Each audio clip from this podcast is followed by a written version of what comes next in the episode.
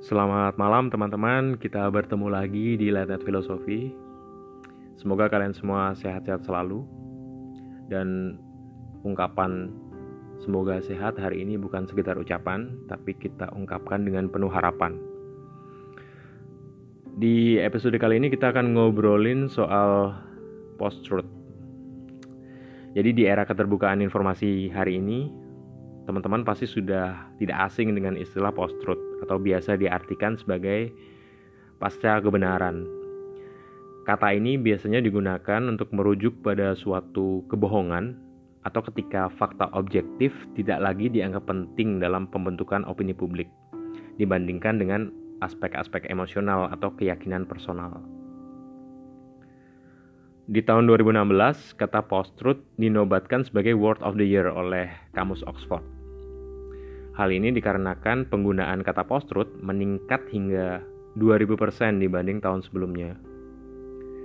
Peningkatan ini sering dikaitkan dengan dua momen politik penting yang terjadi di tahun itu, yaitu Pilpres US yang dimenangkan oleh Donald Trump dan referendum Inggris yang berujung pada keluarnya Inggris dari Uni Eropa atau Brexit pada Juni 2016.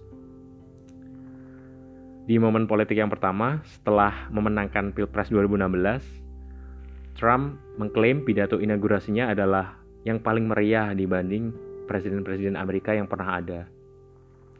Walaupun kemudian muncul bukti-bukti foto-foto yang beredar dan menunjukkan bahwa itu tidak benar atau yang terjadi malah fakta sebaliknya.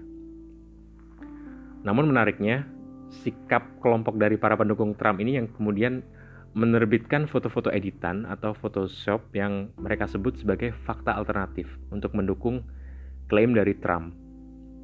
Nah, di sini artinya fakta objektif itu tidak lagi diindahkan, namun itu kemudian diganti dengan fakta alternatif, yaitu suatu fakta yang diciptakan dan disusulkan untuk mendukung klaim tertentu.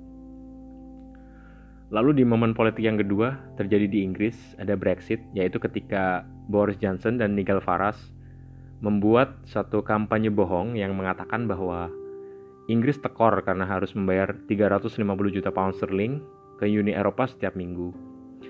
Dan ini kemudian uh, dipercaya oleh masyarakat Inggris menyentuh sisi emosional mereka tanpa mereka mengecek validitasnya.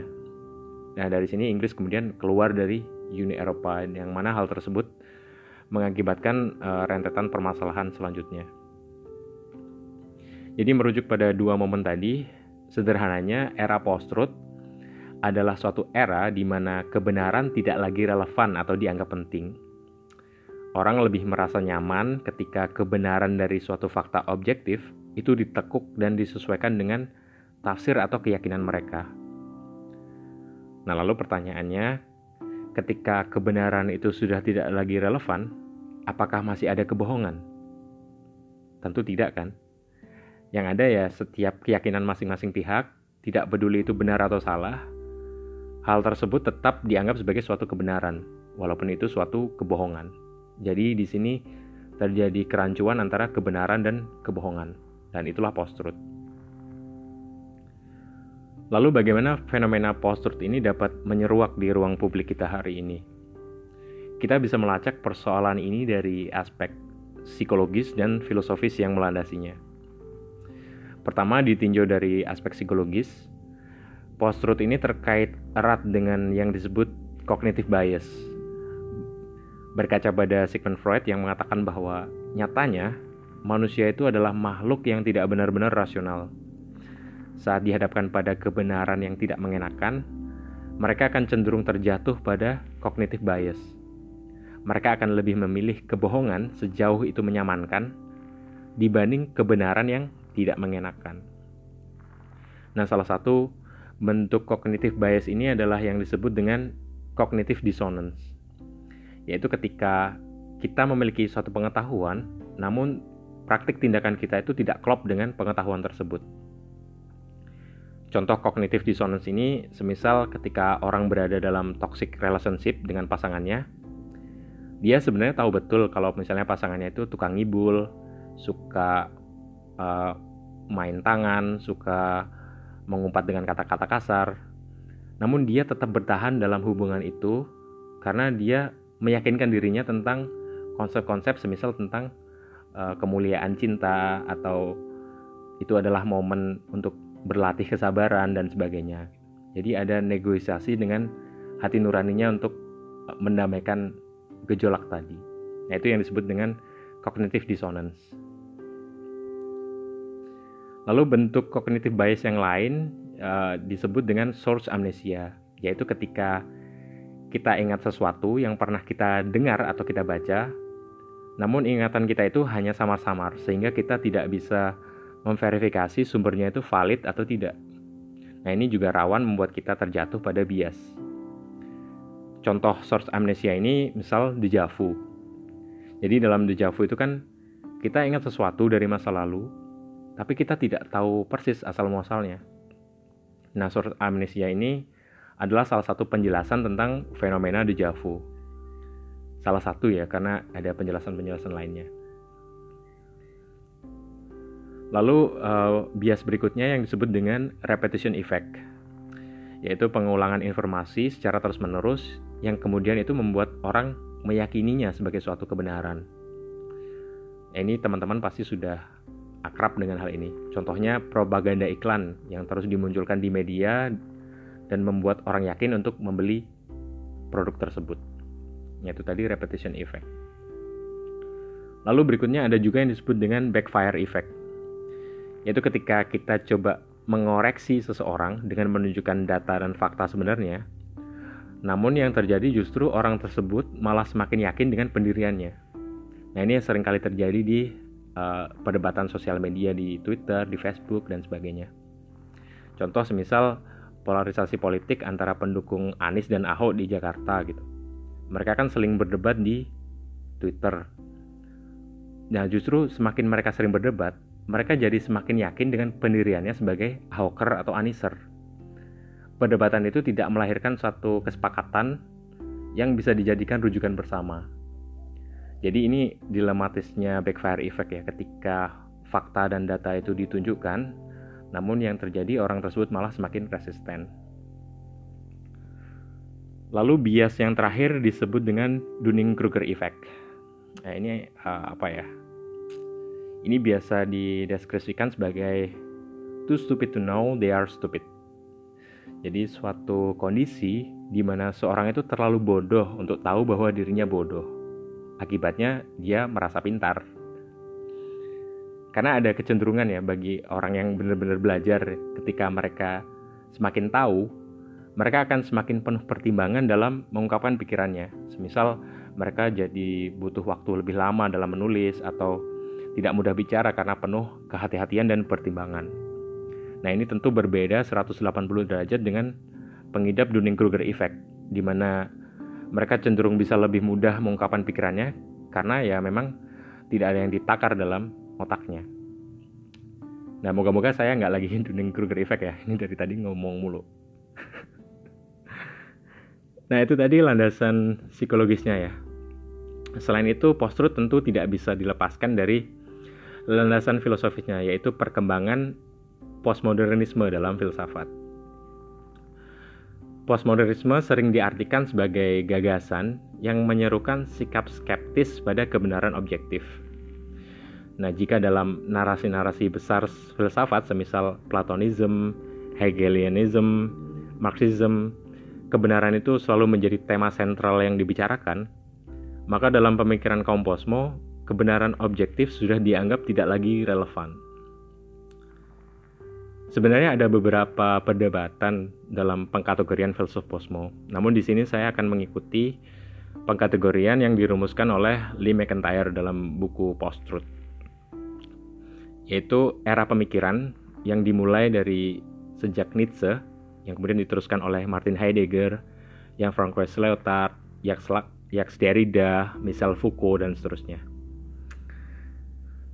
Cora pemikiran posmo ini misalnya ditemukan dalam uh, filosofinya Nietzsche ya, yang mengatakan bahwa relasi manusia dengan kebenaran sebenarnya hanyalah relasi kebutuhan akan suatu pegangan bagi Nietzsche, manusia itu cenderung dibimbing oleh insting dan nalurinya untuk mencari suatu kenyamanan dibanding mengandalkan rasionalitasnya. Nah, lalu pemikiran postmodern ini berkembang di abad 20 dan semakin radikal di tangan Jacques Derrida dengan dekonstruksinya. Jadi di sini Derrida coba mengkritisi keutuhan makna. Bagi Derrida tidak ada makna yang total karena makna itu sendiri selalu berada dalam oposisi biner. Semisal kita tahu ada salah karena ada benar. Kita tahu ada langsing karena ada gembrot. Kita tahu ada hitam karena ada putih dan seterusnya. Jadi makna-makna itu selalu dikonstruksikan melalui sistem tanda dalam pembedaan. Maka dari situ makna yang utuh itu adalah suatu ketakmungkinan atau dalam istilah Derrida keutuhan makna akan selalu tertunda oleh diverong, sehingga yang ada hanyalah makna yang tersebar atau dia sebut sebagai dissemination. Nah, jika ada satu makna yang coba menampilkan dirinya secara utuh, maka di situ kita patut curiga. Jangan-jangan itu menyembunyikan suatu kepentingan ideologi tertentu dari pihak berkuasa. Ini semisal kita pakai analisisnya misal Foucault. Foucault kan selalu e, mengaitkan antara relasi pengetahuan dengan kekuasaan. E, semisal ada yang mengklaim makna Pancasila itu sudah final. Gitu. Nah di situ kita mestinya patut curiga. Jangan-jangan makna final itu dibikin sebagai suatu instrumen untuk melanggengkan kepentingan kekuasaan tertentu gitu. Nah, ya gitulah. Siapa tahu ya. Itu analisnya misal Foucault. Intinya, Postmodernisme ini adalah suatu iklim pemikiran yang meyakini bahwa pengetahuan manusia itu terbatas dan terkondisikan secara kultural dan historis. Manusia di tiap-tiap zaman berpikir dengan cara tertentu dan manusia tidak bisa melawannya. Akibatnya tidak ada jalan lain untuk lolos dari bahasa, tidak ada jalan lain untuk berdiri di luar wacana, dan untuk memperoleh kebenaran yang murni apa adanya. Cara pikir Posmo ini awalnya digunakan dalam kajian arsitektur, sastra, dan filsafat. Namun kemudian hal ini menjadi problematis ketika digunakan dalam hal-hal yang sifatnya praktis seperti politik atau sains. Semisal dalam politik ya, jika kita mengandaikan setiap orang meyakini kebenarannya masing-masing tanpa adanya konsensus, karena konsensus itu kan selalu mengandaikan adanya hierarki kebenaran yang lebih tinggi daripada kebenaran lainnya. Lalu pertanyaannya, jika tidak ada konsensus dan yang ada hanya disensus, lalu kita mau menyelesaikan permasalahan bersama itu pakai apa? Nah, ini salah satu kritik terhadap teori postmodernisme dalam lingkup politik. Lalu eh, cara pikir posmo ini juga merambah ke ranah sains, misal dengan munculnya sosiologi sains. Uh, jadi ada wacana dalam sosiologi sains itu yang disebut dengan konstruktivisme sosial, yaitu suatu wacana yang meyakini bahwa kebenaran teori-teori ilmiah itu tak lain merupakan proyeksi personal para ilmuwan dalam konteks sosial tertentu. Nah, contoh yang cukup ekstrim dalam hal ini misalnya bisa ditemukan dari seorang feminis yang bernama Sandra Harding yang ia mengatakan bahwa karya Newton, Principia Matematika itu sebagai rep manual dia sebut. Jadi uh, apa namanya? pedoman pemerkosa. Jadi Harding menafsirkan bahwa ada cara pandang laki-laki dalam teori mekanika Newton yang itu mendiskriminasi perempuan dia bilang. Nah, interpretasi posmo yang bebas dan kebablasan semacam ini kemudian membuat para saintis menjadi jengah. Salah satunya seorang fisikus Amerika yakni Alan Sokal. Sokal kemudian menulis satu artikel hoax dan nonsense yang berjudul Transgressing the Boundaries Toward a Transformative Hermeneutic of Quantum Gravity. Jadi uh, apa ya? menerabas batas-batas menuju sebuah hermeneutika transformatif gravitasi kuantum. Nah, kalau dari judulnya sih keren ya. Artikel tersebut kemudian ia kirimkan ke jurnal Social Text, yaitu salah satu jurnal Posmo yang bergengsi di Amerika saat itu. Alan Sokal yakin bahwa artikel tersebut akan diterima karena isinya keren dan sesuai dengan mindset Posmo Dan ternyata benar, artikel tersebut terbit. Setelah artikel tersebut diterbitkan, Sokal kemudian membuat pernyataan bahwa dia bilang artikel yang ia kirimkan itu sebenarnya hanyalah artikel main-main atau artikel tipu-tipu. Dia mengatakan itu hanya semacam pastis atau comotan-comotan artificial dari para pemikir-pemikir keren tadi. Derrida and General Relativity, Lacan and Topology, Irigaray and Quantum Gravity, tanpa ada logika yang koheren dan isi yang substansial dalam uh, artikel tersebut.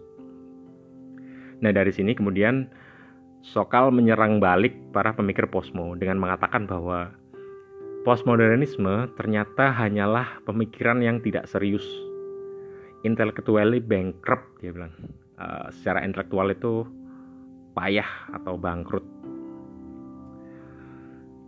Ide-ide posmo ini pada awalnya di tahun 70-an sampai 90-an banyak dipakai oleh kaum kiri. Namun menariknya sejak tahun 2011 ide ini mulai direkuperasi atau direbut oleh kelompok kanan radikal. Semisal munculnya science denial atau penolakan terhadap isu-isu uh, semacam climate change gitu misalnya. Kan sempat ramai kan waktu itu ketika Donald Trump menolak climate change yang sebenarnya udah lama disuarakan oleh para ilmuwan. Dan bahkan yang lebih lucu, Trump mengatakan bahwa climate change itu adalah propaganda Cina untuk melemahkan ekonomi Amerika. ya boleh lah, boleh. Tentu eh, ini ya, sikap semacam ini jadi rawan menimbulkan permasalahan yang lebih serius di masa mendatang merebaknya post-truth semacam ini kemudian juga memantik uh, respon dari para pemikir posmo itu sendiri. Salah satunya Bruno Latour, salah satu penggagas teori konstruktivisme sosial. Latour mengatakan bahwa ia sebenarnya tidak memaksudkan teorinya itu untuk menolak adanya kebenaran objektif, tapi ia ingin membangun sikap kritis masyarakat terhadap fakta yang belum terobjektifkan secara jelas namun bisa dikatakan respon ini sudah terlambat ya karena fenomena post-truth yang banyak dipengaruhi oleh cara pikir relativisme postmodern sudah kadung menyebar di masyarakat dan semakin gencar hari ini di era sosial media. Jadi ya begitulah. Thus postmodernism, the godfather of post-truth.